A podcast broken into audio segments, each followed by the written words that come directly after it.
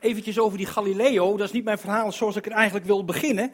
Maar is wel leuk wat uh, die man zei. Van, uh, we, leren altijd dat de mensen in de tijd van Galileo en in de tijd van uh, Columbus, dat de aarde plat was. Dat is helemaal niet waar, want in de tijd dat Columbus ging, precies toevallig in hetzelfde jaar, in 1492, toen was al de eerste globe die je kon kopen die gemaakt was om, uh, om te verkopen. 1492, de eerste aardbol. Iedereen in die tijd wist dat de aarde rond was. Dat is ook van uh, Columbus, die ging naar het westen. En hij dacht, als ik nou lang genoeg doorvaar, dan kom ik in India uit. Vandaar de Indianen. Dus die, dat verhaal van die platte aarde, dat is uh, verzonnen. En dat is eigenlijk wat me een beetje irriteert. Ik weet ook door wie het verzonnen is, dat staat ook in mijn boek. Maar dat was in, de, in de 1800 zoveel. Mensen wilden zo graag dat de Bijbel niet waar was. Die wilden zo graag het uh, christendom onderuit halen als belachelijk en, en, en, en afgedaan. Dat ze gingen gewoon dingen verzinnen. Want de Grieken in 600 voor Christus, die hadden al behoorlijk nauwkeurig gemeten hoe groot de aarde was. Die hadden al iets ongeveer van 30.000 kilometer, dus het is 40.000. Maar, dus die wisten dat al.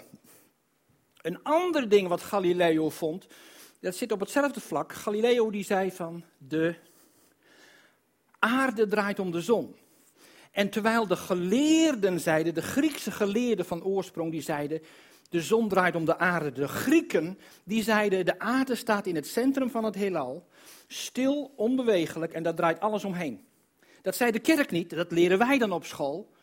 Maar als je de geschiedenis gaat bestuderen, dan kom je erachter dat zei de kerk niet, maar dat zeiden de geleerden van die tijd. En alle geleerden, die gingen toen vroeger naar de kerk. Dus dan zeggen ze, ja, de, de Rooms-Katholieke kerk zei dat. Nee, de grootste tegenstand die Galileo kreeg, was van de wereldse, van de seculiere uh, geleerden. En de paus was ook een geleerde, dus die geloofde ook wat in die tijd door de, de wetenschap werd gezegd. Dus Galileo, die had de moed om tegen de heersende wetenschap in te gaan. En dan denk ik ook bij mezelf, hebben wij die moed ook? Als wij iets geloven, als wij daar bewijzen voor hebben, durf je dan maar zo tegen de wetenschap in te gaan. Dus dat is helemaal niet eerlijk wat wij op school leren. Dat is echte, bewuste, valse informatie. Dat uh, Galileo tegen de kerk inging en dat die kerk zo achterhaald is. De wetenschap van die tijd was achterhaald. Oké, ehm, is er wetenschap in de Bijbel? Voordat ik uh, mijn verhaal begin, wil ik twee dingen even zeggen. Ik maak altijd even reclame voor Open Doors. Wie kent Open Doors? Mag ik even kijken? Ja, ja die andere, dat komt dan nog wel, dat u dat weet. En het gaat mij namelijk niet om Open Doors, maar die Open Doors, daar werk ik bij al 32 jaar. Ik ben 41 jaar geleden ben ik bij Open Doors bekeerd. Een heel lang, een interessant verhaal, maar eh, nee, het gaat mij erom dat wij christenen helpen die voor hun geloof vervolgd worden. Stel dat u voor uw geloof zou vervolgd worden, wat wil je dan dat anderen voor je doen en hoe kunnen je dan helpen? En daar gaat het blad over, over alle christenen op de wereld die uh, vervolgd worden. Op de boekentafel kunt u een blad meenemen gratis en kunt ook op abonneren gratis. Als u zo straks een boek wilt kopen en u zegt, ja, ik wil een boek wel hebben van, van mij, maar uh, ik heb geen geld bij, maar kan ook met een machtiging. Hebt u dat nou ook? Als je nou de Bijbel gaat lezen. Man, wat een ingewikkeld boek is dat, zeg. Je zult toch niet tegen je buurman zeggen, die nog nooit de Bijbel gelezen heeft, van ga nou eens lezen in Leviticus of Numeri of Deuteronomium je komt er niet uit. Dat is zo saai. Behalve misschien als je dominee bent, maar ik, ik vind het verder zo saai en, en onbegrijpelijk, die wetten. En dan achterhaald en de wetenschap heeft bewezen, het is allemaal niet waar. En uh, ja, daar zit je dan ook als christen als het ware, dat je met de rug tegen de muur, je wilt wel geloven, maar, met, maar je hersens zeggen, jongens, hier, hier klopt niks van, dat, dat, dat werkt niet. En uh, dat had ik ook aan het begin van mijn studiejaar we zitten met een stelletje studenten zo te praten, biologiestudenten. En toen zegt daar een, eh, een, een jongen die zegt, er was een zoon van een dominee, dus die wist alles over de Bijbel. Jong, hij moest altijd naar catechisatie. Hij zegt, dat staat toch een blunder in de Bijbel? Ik zeg, wat dan joh? Want ik geloof dat er geen fouten in de Bijbel staan, nu nog, nu nog meer. Ik heb al meer dan 2000 fouten, zogenaamde fouten, onderzocht in de Bijbel. Maar die is soms moeilijk te begrijpen, maar niet fout. Ik, ik geloof dat zoals de Bijbel oorspronkelijk geschreven is, dat er geen fouten in staan. Soms in onze Bijbel wel, soms door overschrijven. vooral met nummers en zo gaat het nog wel eens fout. Of met uh, vertalingen, andere vertalingen en zo. Ik zeg, wat? Hij zegt, daar staat er in, Leviticus 11, vers 6, een blunder, joh. Ik zeg, wat dan?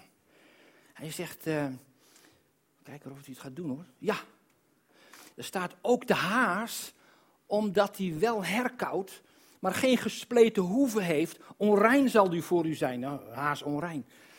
Een herkauwer. Man, een herkauwer is een koe en een schaap en een geit en een antilope en een giraf. Zo van die beesten. Maar een haas niet. Ja, ik zeg, ik weet het ook niet. Kijk, dat hij geen gespleten hoeven heeft, dat wisten we wel, want een haas heeft geen hoeven, dus dat zit wel goed. Maar dat hij herkoudt, ja, ik had geen antwoord. Belachelijk. En ik stond met de rug tegen de muur. En het duurde een heel aantal jaren daarna, toen las ik eens iets in een blad van biologen.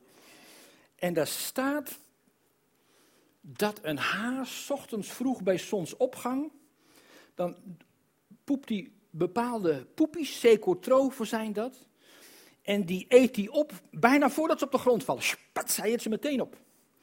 Nou zult u deze morgen een heleboel vieze verhaaltjes horen. Je hebt nog nooit zoveel vieze verhaaltjes gehoord op, vanaf de preekstoel als, eh, als vanmorgen. Maar die, die, die haas en dat konijnen, die haasachtigen, die hebben dat nodig. Er zit vier tot vijf keer zoveel vitamines in als in gewoon voedsel.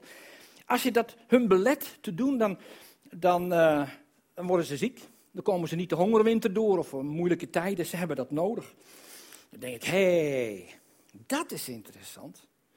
Er staat niet in de Bijbel dat de haas behoort tot de suborde van de ruminantia, zoals de biologen dat zeggen, van de herkauwers. Nee, dan zou het een blunder zijn geweest. Want dat is niet zo. Maar er staat dat een haas twee keer zijn voedsel koudt. En dat is precies wat het is. Ik denk, dat is interessant. Maar je moet natuurlijk de Bijbel wel goed lezen. Dat is, uh... maar en waarom die, die haas niet mag eten, dat voert nu een beetje te ver, maar dat is ook interessant. En die, kun je dood aan gaan. Als je vroeger hazen at, mag je in mijn boek lezen. Maar goed, ik ging toen verder zoeken. Ik denk, nou, dan ga ik eens wat meer uh, kijken in de Bijbel wat voor interessante feiten daarin staan. En ik werd steeds enthousiaster. Dan heb je bijvoorbeeld dat verhaal over, uh, over de zondvloed. En dan zeggen, dit is ongeveer de ark wat ze zeggen zoals die er ongeveer uitgezien heeft. Er zat een dak op en ramen in en zo. Uh, ik was er niet bij, maar zo moet het ongeveer geweest zijn. Uh, maar dan zeggen de theologen, misschien zitten hier ook dominees bij of zo, theologen. Dan heb je op de universiteit geleerd dat het verhaal van Noach is overgenomen van de Babyloniërs. Van het Gilgamesh-epos van de Babyloniërs, dus duizenden jaren ouder ja, als de dominee dat zegt of als een professor in de theologie dat zegt, dan zal dat wel waar wezen. En ik stond met de rug tegen de muren, ik weet het niet. Nou heb ik een collega, Jenneu heet hij, Jenneu. En Jenneu die heeft op de hogere zeevaartschool gezeten. Hij heeft alle zeeën van de wereld bevaren. Ik zeg, Jenneu, mag ik nou eens even die boeken van jou hebben over hoe je schepen bouwt en scheepvaartkunde en zo. En... Uh, dat was indrukwekkend. Want het blijkt dat het model van de ark, de, de verhoudingen, lengte keer breedte, maar ook de grootte van de ark, is het beste bootmodel wat er bestaat, nu nog. Zeg maar die grote olietankers, nu die zijn acht keer zo lang als breed, en die ark was zes keer zo lang als breed. Maar die olietankers die hebben ze om snelheid te maken, die moeten ergens heen. Hè? En Noach hoefde toch nergens heen. Dus zes keer zo lang, dat was, is het beste uh, bootmodel. Die, die ark die kon bijna tot 90 graden, dan ging die nog terug, viel die terug in het water. En, het, en trouwens, een boot van, zoals een ark, die heeft nooit het gevaar om te kapseizen in het, op de volle zee. Uh, dat een boot kapseist is meer aan de kust, waar die, al die golven zijn. Maar Noach die zat toch op de volle zee, dus die had geen last van kusten, er was overal water. Dus die boot kon gewoon niet kapseizen. En uh, dat volgt uit berekeningen en schaalmodellen. Ik was de laatste een keer een, tijd geleden al bij een, uh, een uitvoering van het Urker Visserskoor. Komt daar, die, komt, daar de, komt er iemand naar me toe met zo'n heel zo'n zo Urker pakken. Hij zegt, bent u meneer Hobrink? Ik zeg, ja. Hij zegt, ik ben uh, die en die en ik ben secretaris van het Urker Visserkoor. Hij zegt, en ik ben scheepsbouwkundig ingenieur. Ik denk, nou zoiets hebben. Had mijn boek gelezen. Ik denk, oh. Maar hij zegt, ik heb dat dus nagerekend met alle modellen en, en formules die wij hebben om hoe je een schip moet maken. Hij zegt, al had Noach de dieren boven op het dak van zijn ark gezet, dan was het nog een stabiel bootmodel geweest. Hij zegt, beter kan niet. Dank u wel. Um, maar die, die, die, die boot van dat Gilgamesh-epos van die Babyloniërs, dat is een kubus. Die is 60 bij 60 bij 60 meter hoog, staat in dat verhaal. Nou wil het toeval dat het minst stabiele bootmodel wat er bestaat, is een kubus. Die blijft altijd over het water rollen. Ik heb het ook geprobeerd met een beetje storm te maken en met zelf een kubus te maken. En uh, het blijft over het water rollen. Een slechter bootmodel kun je niet bedenken. Dan denk ik, hé, welk, welk verhaal is het oorspronkelijke? Welk verhaal kan de toets van de wetenschap doorstaan? En welk is verzonnen? Of een beetje steeds meer uh, veranderd. Ik durf te wedden dat die man van dat Gilgamesh-epos, die heeft van zijn leven nog nooit in een boot gezeten. Die heeft van zijn, dat is een echte landrot, heeft van nog nooit in een boot gezeten. Anders had hij niet gezegd dat zijn boot een kubus was. Want een slechter model kun je niet bedenken. Jo, ik denk, man, die Bijbel is niet achterhaald. Die Bijbel is de wetenschap 3500 jaar vooruit. Want ook de Nederlanders die hadden vroeger met ja, de Verenigde Oost-Indische Compagnie en zo. Oh, geweldig. Dat hoorde, ook van, ook, hoorde ik ook van Jenne. Die zegt de Verenigde Oost-Indische Compagnie in zijn eentje. Die had meer zeegaande schepen dan de rest van de wereld bij elkaar. Haha, dat waren de Nederlanders. Maar die bootjes waren twee keer zo lang als breed. Dat was ook niet zoveel. Nou, heel lang verhaal. Maar oké, een, een volgende onderwerp. Even over die zondvloed. Moet ik even zo denken aan de schepping of evolutie. Daar heb ik ook heel veel over geschreven. Maar het punt uh, van, ik wil er één ding over noemen. Wat Darwin werkelijk heeft gevonden in al zijn onderzoeken, alle biologen bij elkaar, nu nog, is exact in overeenstemming met de Bijbel. Want wat vond Darwin? met die vinken en zo op de Galapagos-eilanden en zo. Dan zag hij dat die vinken die op verschillende eilanden, die waren een beetje gedifferentieerd. Die waren verschillend geworden. Met lange snavel, korte snavel, dikke snavel, dunne snavel, platte snavel. Allerlei snavels. Maar heel duidelijk bleven het vinken. En ook met andere planten en dieren vonden ze, zeg maar in een groep is een enorme variatie. Maar met onoverkomelijke grenzen. dat is het enige wat dagelijks elke keer weer opnieuw door biologen worden gevonden. een grote variatie in een groep, maar met onoverkomelijke grenzen. Een roos blijft altijd een roos. Uh, een kraai blijft altijd een kraai. Er wordt beslist geen duif. Een hond blijft altijd een hond. Er zitten hele scherpe grenzen. En wat zegt de Bijbel? Ja, dan gaan mensen weer tegen de Bijbel in die zeggen: ja, maar je ziet toch dat er overgang is van soort naar soort. Ja, maar de Bijbel spreekt helemaal niet over soorten. Kijk, de Bijbel die spreekt over naar zijn aard. Daar staat, toen schiep God de zeedieren naar hun aard, het gevogelte naar zijn aard, het wild gedierte naar zijn aard, het vee naar zijn aard, alles naar zijn aard. God schiep niet 400 hondenrassen wat je nu hebt, maar God schiep de hond. De, en daarin zijn later de coyote en de dingo en de wolf en misschien ook de vos en zo uit ontstaan. Eh, enorme variatie mogelijk. maar met enorme sterke grenzen. Is exact wat er gevonden is. En de rest is verzonnen. De hele evolutieboom. Moet u in mijn boek verder maar lezen. Een evolutionist, een evolutionist Denton, die zei: Nooit is Darwins evolutietheorie ook maar één keer bevestigd door ook maar één ontdekking of wetenschappelijke vooruitgang sinds 1859. Nooit is Darwins evolutietheorie ook maar één keer bevestigd door ook maar één ontdekking of wetenschappelijke vooruitgang sinds 1859. Terug naar medische dingen vind ik veel leuker. Uh, daar wil ik nog wat over vertellen. Over besnijdenis bijvoorbeeld. Bij de primitieve volkeren, daar komt veel minder kanker voor dan bij ons. Daar kom ik zo straks op terug. Wij hebben veel meer kanker door onze eigen manier van leven dan in primitieve omstandigheden. Ik heb het niet over primitieve mensen, maar mensen die leven bijvoorbeeld in de binnenlanden van China of in de bergen van Brazilië of op Sri Lanka en zo. Daar komt haast geen kanker voor, maar van de kankers die er voorkomen, is 10 tot 20 procent peniskanker. En bij de Joden die in die omstandigheden leven, in dezelfde plaats, komt 0,0% peniskanker voor. Hé, hoe kan dat nou?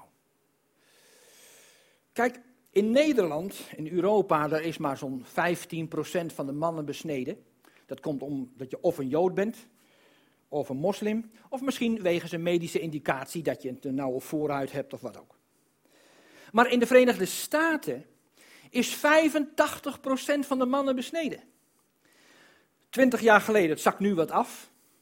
Maar in die tijd waren er bijna alle ziekenhuizen werd bijna 100% van de jongetjes besneden. En nu wat minder, dat is een hele discussie die zeggen, ja, besnijdenis is niet nodig. Nee, oké, omdat onze hygiëne zoveel beter is geworden, je kunt je douchen en zo.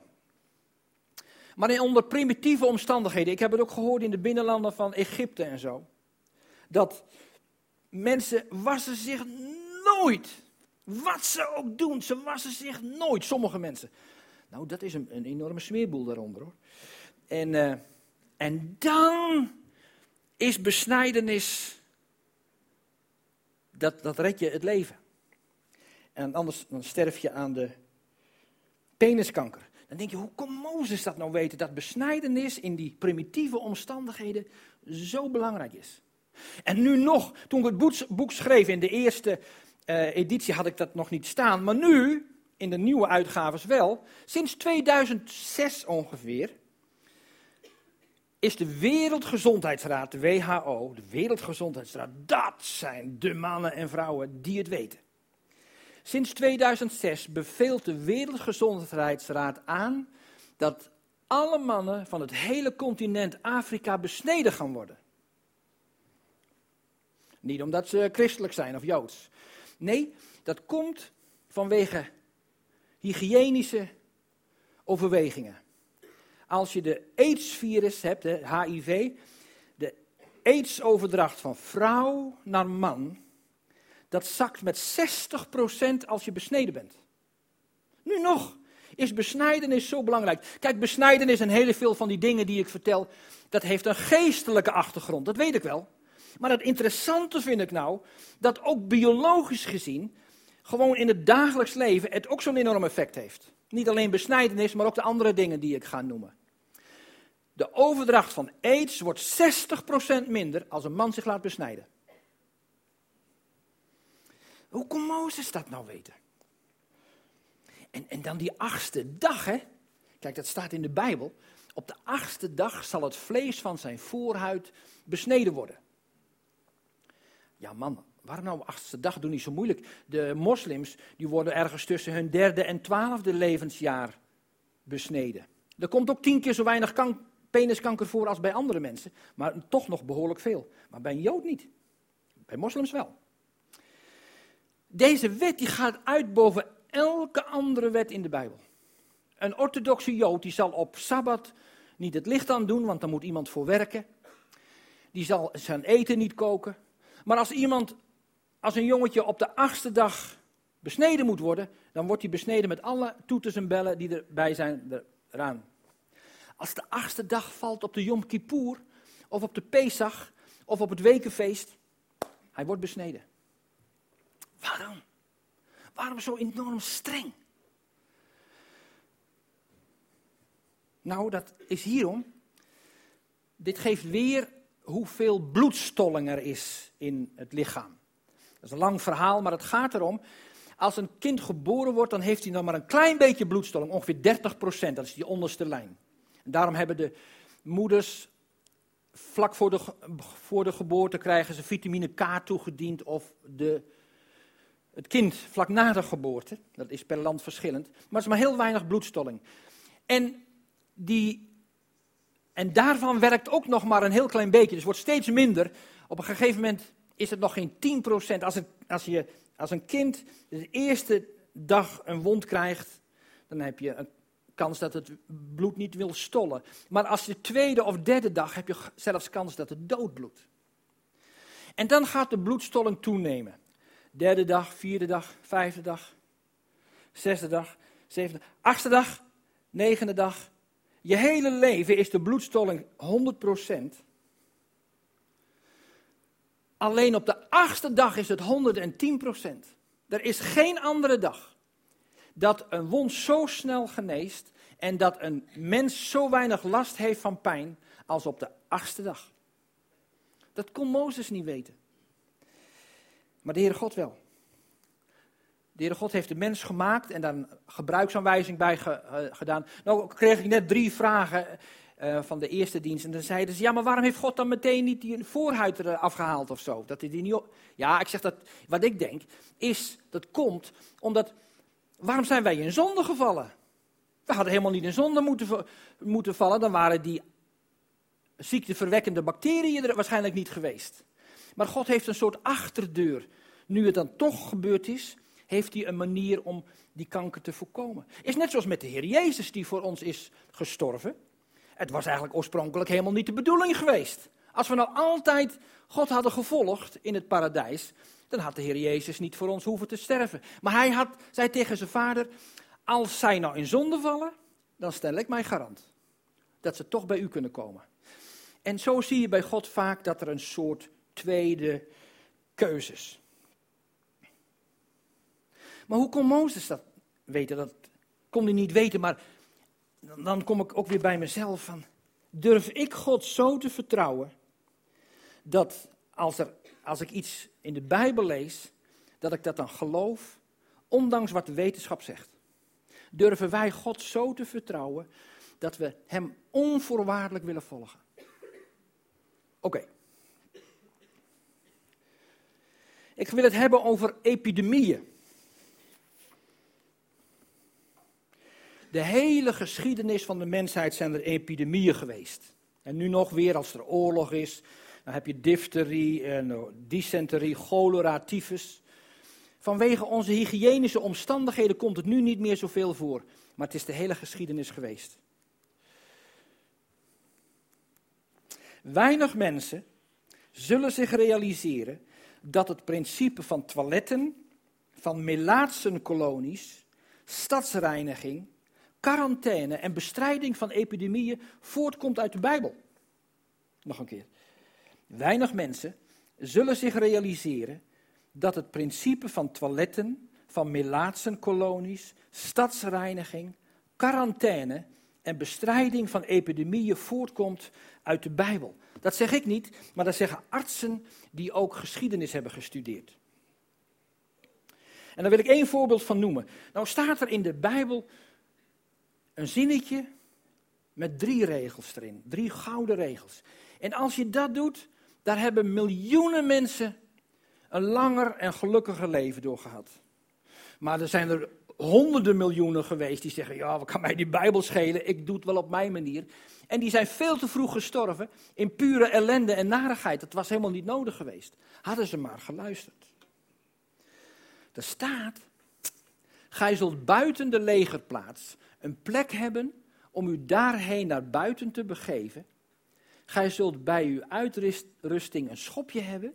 En wanneer gij buiten gaat zitten, daarmee een gat graven en uw uitwerpselen weer bedekken. Dat staat maar zo tussen allerlei geestelijke wetten in.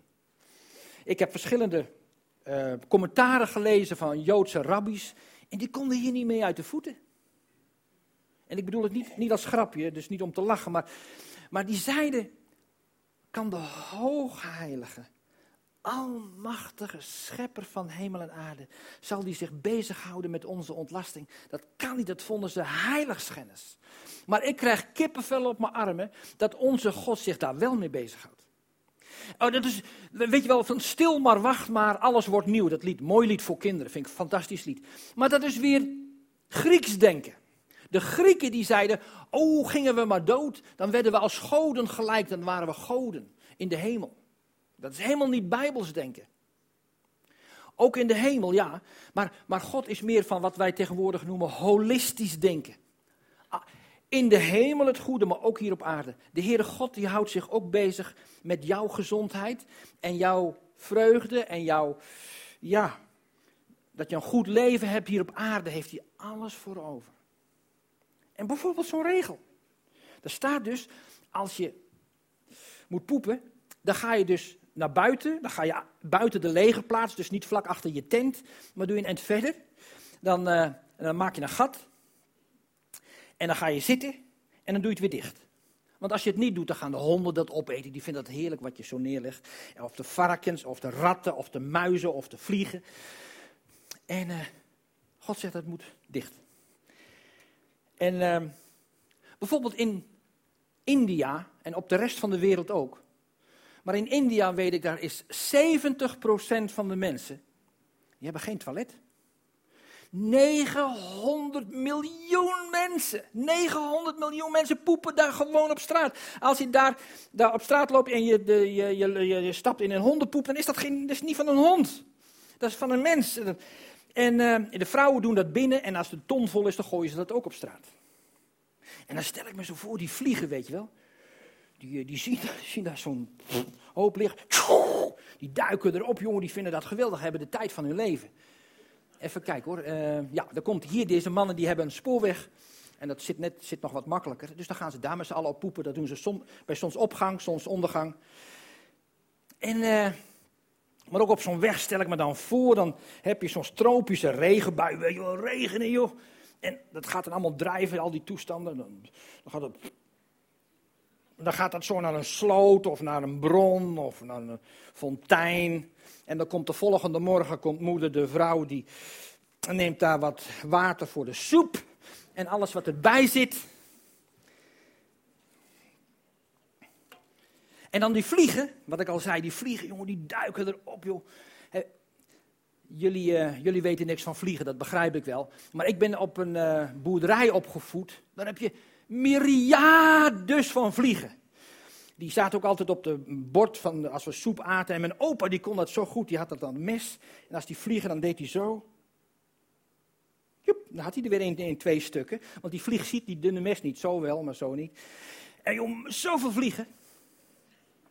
Maar jullie weten er niks van. Kijk, de Westerlingen die hebben zich verstopt achter glas, achter horga's.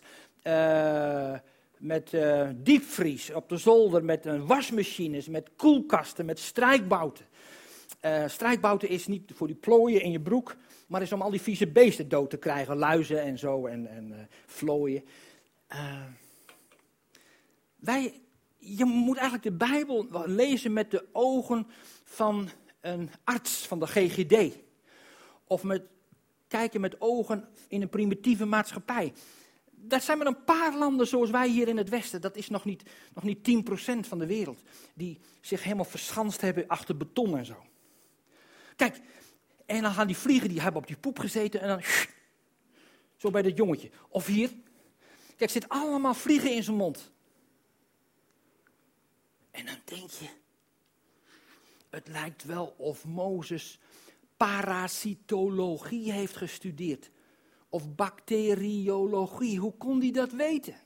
Dat is ook geen, in geen enkel ander boek in de oudheid, is geen enkel ander land op de wereld alleen in de Bijbel beschreven. Hier een collega van mij, die uh, is zendeling in Soudaan. Hoe ze daar een koe slachten. Niks, geen keuringsdienst van waren of zo. Je keelt het beest en dat bloed dat zakt hier wel in de grond en dat eten dan de ratten wel op. En zitten daar nou parasieten in of zo, die eet je gewoon mee. En het mes hier, dat smeer je af aan je broek en je gaat gewoon weer door. Ja. Ik was in de binnenlanden van China en dan zie je hier allemaal geitenkoppen liggen. Daar kun je ook lekker vlees van maken. En hier allemaal vlees. En die vliegen, jongen, die, die hebben de tijd van hun leven. Die leggen er allemaal eitjes in. Maar dat is ook eiwit, dus dat eet je gewoon op.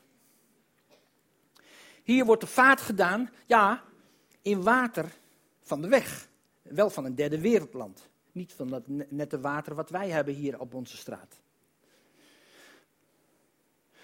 Uh, dit is de Filipijnen, een Indi Indianenstam. Mevrouw heeft een lekkere sigaar tijdens het eten koken. Uh, als ik dan zo denk, wat, wat voor beestjes hier misschien zo op haar rug kruipen of erop springen met zes pootjes van die kleine vieze beestjes. Of daar uit het dak allerlei insecten vallen, die kook je dan gewoon mee en dat is ook eiwit. En hier zitten allemaal kinderen, joh. En daarboven zit, zit dan het dak met al dat gras en zo. Dan, ik krijg altijd al helemaal de kriebels als ik denk wat voor vieze beesten ze allemaal daar op hun lijf krijgen. Zo is dat altijd geweest. Nu nog in die landen. Oh ja, hier staat het in.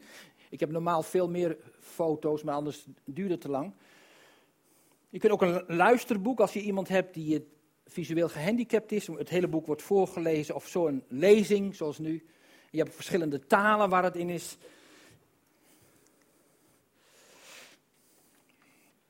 Wat ik zelf heb gedaan, ik heb dat boek uitgedeeld aan alle buren in de buurt, 17 buren, als een soort evangelisatiemiddel.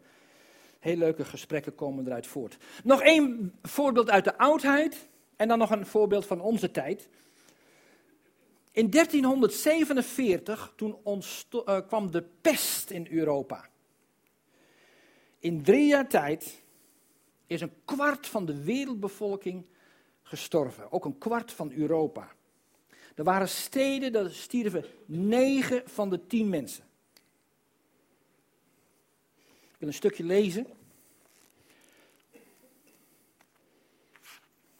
Het was de grootste ramp in de geschiedenis die de mensheid ooit heeft getroffen. Mensen vluchtten in paniek de stad uit. Vaders en moeders lieten hun kinderen achter. Alles wegvagend bracht deze plaag paniek en verwarring en vernietigde alle menselijke regels en fatsoensnormen. Ouders, kinderen en levenslange vrienden lieten elkaar in de steek en deden alles om zichzelf te redden. De doden werden hals over kop in reusachtige kuilen gegooid en rottende lichamen lagen overal in de huizen en op straat. De doodgraver en de dokter werden in hetzelfde diepe, grote graf gegooid. De erflater en zijn erfgenamen werden samen met de notaris vanaf dezelfde kar in de diepte gesmeten. Zeggen artsen die dat bestudeerd hebben. Overal in Europa. Overal hetzelfde. Behalve, behalve in Straatsburg, er was een Joodse arts, meneer Balavignus. En die zegt, wij gaan in ons uh, ghetto, in ons stadsdeel van de Joden, gaan we de wetten doen zoals staat in Leviticus. De wetten van de reinheidswetten zoals staat in de Bijbel. En binnen een paar weken kwam in zijn klein stadsdeeltje maar 5% van de pest voor van de rest van de stad. Een paar straten verder kwam 20 keer zoveel pest voor als in zijn gebiedje. Alleen omdat hij deed wat in de Bijbel staat. Hey. Maar in plaats dat die artsen, zijn collega's, nou naar hem toe kwamen en zeiden van, uh, meneer Balavignus, wat kunnen we van je leren? Nee hoor. Nee, de geleerden die waren zo goed en die wisten precies waardoor dat kwam. Ze, hebben, ze, ze zeiden van, oh, overal komt de pest voor en niet bij, je, bij jou. Oh, jij hebt de pest veroorzaakt. En ze hebben die man zo uiterst gemarteld. Hij is volkomen krankzinnig geworden. Heeft alles bekend. Ja, ja, ja, ik heb de pest veroorzaakt. En dat, ik heb het uit Zuid-Frankrijk gekregen. Daar kreeg ik, hebben een, een mengsel gemaakt met, met, met uh, vleermuisvleugels. En met heilige hosties. En met harten van christenen. En dat en dat. En dat heeft de pest veroorzaakt. Hij is helemaal gek geworden daarvan.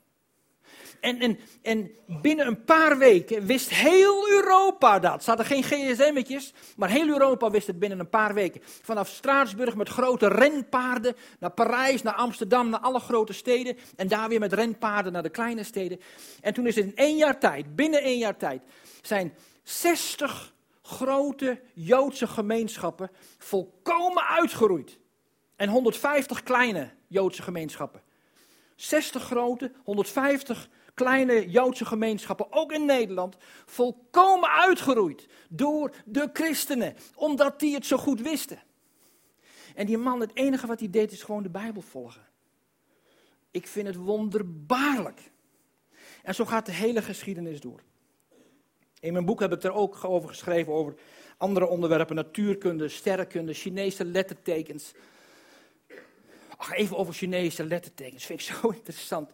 Als je die helemaal ontleedt, die Chinese lettertekens. Bijvoorbeeld het tekentje van begeerte, begeerte, begeren, in het Chinees. Dan zie je twee bomen met een vrouw erbij. Ik denk, hé, hey, dat is interessant. Het lijkt wel het verhaal van Eva. En zo nog een paar van die dingen. Uh, Oké, laatste punt over onze tijd. En, dan wordt het heel een beetje gevoelig. Ik vind het heel moeilijk om dat zo snel te noemen. Maar het gaat over kanker en hart- en vaatziekten. De artsen zeggen in onze tijd, twintig jaar geleden nog niet hoor, maar nu pas, zeggen ze, die 30% van de kankers was niet nodig geweest. En 50% van de hart- en vaatziekten was niet nodig geweest. Dat komt door onze levensstijl en ons eten. 30% van de kankers en 50% van de hart- en vaatziekten onder ons was niet nodig geweest als we anders zouden leven en anders zouden eten. En de geleerden hebben ontdekt in de afgelopen 10 jaar, 15 jaar, dat het ook vooral komt door het eten van dierlijke vetten. Het gaat er niet om of je een lekkere doorregen hapje eet, maar het gaat erom dat je bijvoorbeeld je eten bakt in, in vet. Ik had een, discussie een, een tijd geleden met mijn vrouw. En ik zeg, Bea, heet ze, ik zeg, Bea, hoe komt het nou dat ik de, die gebakken aardappeltjes van mijn moeder nou veel lekkerder vind dan die, dan die van jou? Nou, dat had ik niet moeten zeggen hoor. Ik moest een tijdje moest ik beneden slapen. Maar, maar ik zeg, hoe komt het nou? En wij erover praten. En, we wisten het wel. Dat kwam, mijn moeder bakte in dat ossewit. Die oude dames weten dat nog wel. Wat was het? 12 pond ossewit of zo heet Zo'n ging in die pan. En mijn vrouw bakt in, in uh, plantaardige oliën en vetten. Maar de artsen zeggen dat ossenwit enzovoort, dat is ons probleem. En wat zegt de Bijbel? Gij zult in het geheel geen vet eten. Het vet mag voor allerlei doeleinden gebruikt worden, maar eten zult gij het in geen geval. Hoe moet de Heere God dat nou nog sterker zeggen? En wij denken, ach, we weten zoveel van de wetenschap. Uh, zo hoogmoedig. Weet je, een Jood werd, een Israëliet vroeger, werd drie keer zo oud als andere mensen. De gemiddelde leeftijd in de tijd van Mozes was zo'n 20, 25 jaar. En Israëlieten werden 70, 80 jaar oud, zegt uh, de psalmen. Maar wij, wij zijn zo hoogmoedig. En dan komen we nu dan een beetje achter de wetten van Mozes zijn nu nog niet te evenaren. Over de schepping zegt God aan het begin een soort opdracht. Hij zegt, ik geef u al het zaaddragend gewas. En al het geboomte waaraan zaaddragende vruchten zijn. Zeg maar een soort vegetarisch dieet. Ik ben geen vegetariër en dat wil ik ook niet worden. Maar ik begrijp wel dat dat heel gezond is, het vegetarische deel van onze maaltijd. En toen na de zondeval, na de zondvloed, duizenden jaren na de schepping, zegt God, in de Bijbel. Oké, even goede vrienden. Dit zijn de dieren die gij eten moogt. Oude vertaling. Je mag het eten. God zegt, je mag het eten. Even goede vrienden. Het is niet oorspronkelijk, maar het mag wel. Maar onder geen beding dat je vet eet. Waar sterven we aan? Zeggen de geleerden. Aan vet. Man, ik, ik heb het nu vaker verteld, maar de eerste keer, ik ben een paar keer moest ik gewoon stoppen omdat ik helemaal geëmotioneerd was. En kippenvel op mijn armen had. Dat de Heere God dat zo duidelijk in zijn woord zegt. En dan moeten we er nu pas achter komen, 3500 jaar later. Die wetten zijn niet te evenaren, nog niet in onze tijd. En uh, uit de wachtkamer van de dokter, een bordje gezond, minder vet, meer groente en fruit, minder kanker. De Bijbel is niet achterhaald. Dat is het enige boek in de oudheid die wetenschappelijk betrouwbaar is. En zo heb ik in mijn boek nog honderden andere feiten. Tot slot. Alles wat ik nu verteld heb en wat in mijn boek staat, daar gaat het helemaal niet om in de Bijbel. Dat zijn maar bijzaken. Al die wetenschappelijke dingen zijn bijzaken. Maar mijn punt is, als die bijzaken al zo belangrijk zijn, als die bijzaken zo je leven kan veraangenamen, langer maken, gezonder maken. Hoe belangrijk is dan wel niet de kernboodschap van de Bijbel? Dan kun je niet de Bijbel een beetje aan de kant schuiven en denken, ja, ja, ja, zal mijn tijd wel duren. Dan speel je met je leven. En dan speel je niet alleen met je lichamelijke leven, maar met je eeuwige leven. Kijk, de kernboodschap in de Bijbel is dat Jezus Christus op aarde is gekomen om ons met God te verzoenen. Jezus is op aarde gekomen om weer contact te maken tussen God en ons. En dan moet je als christen toch wel een beetje serieus met de Bijbel omgaan. Ik zou daar eens een beetje meer in lezen en een beetje beter naar luisteren. En als u nog nooit de Bijbel gelezen hebt, dan zou ik er toch eens over nadenken. Want je zult nooit kunnen zeggen, wir haben is niet gewoest. Want we wisten het wel, de Heere God is heel dichtbij. Die is heel dichtbij, die is in de natuur, kun je zien. Denk je dat dit allemaal vanzelf ontstaan is? Dan heb je een gaatje in je hoofd. Dat is, dat is wetenschappelijk onmogelijk dat het vanzelf ontstaat. Of de Heere God is dichtbij in Jezus Christus die voor ons gestorven heeft, is en dat alle voorbeelden heeft gegeven. God is nabij in de geschiedenis waar hij tekenen en wonderen heeft gedaan. En ook in onze tijd. Ook in deze gemeente. Dat God af en toe een teken of een wonder geeft om te laten zien, ik besta echt en ik help je. En als je daaraan voorbij gaat, dan speel je met je leven, met je eeuwige leven. Je moet een keus maken. Het leven is vol keuzes. En dit is een van de belangrijkste keuzes die in de hele leven is. Toen ik ging trouwen, toen was de ambtenaar van de burgerlijke stand, die kwam praten. En die zei het later ook in het openbaar. Hij zegt dat je voor elkaar kiest als man en vrouw is een belangrijk moment in je leven. Hij zegt, maar er is nog één ding belangrijker in je leven dan ja zeggen tegen je vrouw. En dat is ja zeggen tegen God. Ik heb die keuze zelf ook gemaakt. En uh, je verandert echt. Sommige mensen peden meteen, anders misschien in de loop van de jaren. Maar, maar God die heeft zich geopenbaard aan ons en die keus moet je wel maken. Zullen we eindigen met gebed? Dank u wel, heren, dat u allereerst ook uw woord hebt gegeven. Wat me altijd zo opvalt aan de Bijbel, is dat die zo duidelijk is. Dat alle dingen die belangrijk zijn, dat die goed te begrijpen zijn. Alleen het probleem ligt aan mijn kant. Ik vind het zo moeilijk om het te doen. Ik probeer daar een theologie omheen te verzinnen.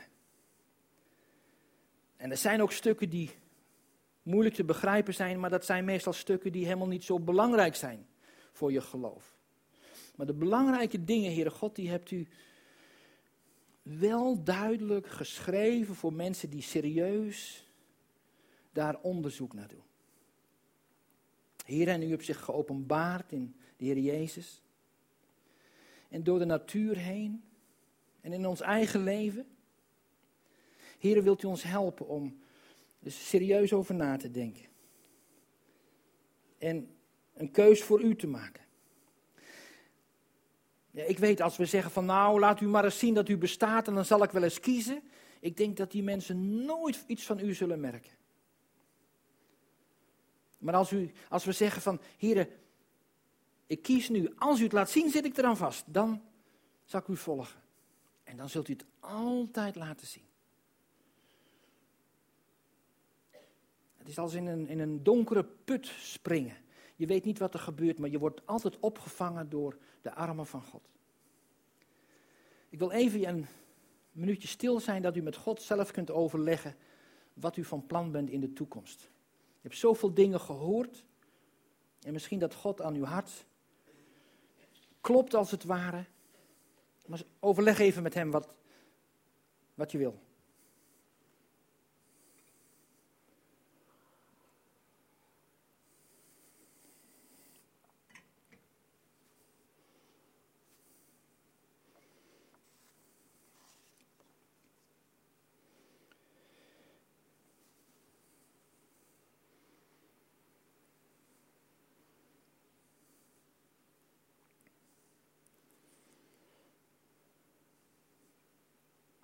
Dank u wel, Heer, voor uw woord.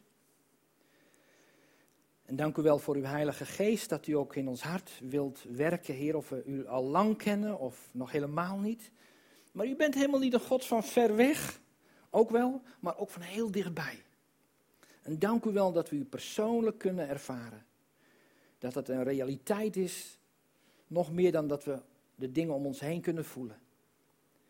Heer, zo wil ik u vragen dat. Uh, u dat met uw Heilige Geest in onze harten uitwerkt. En wat misschien krom gezegd is, heren, maar dat u daar een rechte slag mee geeft als het ware. En dat we weten, Jezus leeft en wij mogen met hem leven. Heer, dat Pasen voor ons iets persoonlijks wordt in ons eigen hart. Dat bidden we u in de naam van Jezus. Uw Zoon en onze Heer en Heiland, onze Koning, die we willen volgen, waar die ook heen gaat. Amen. Amen.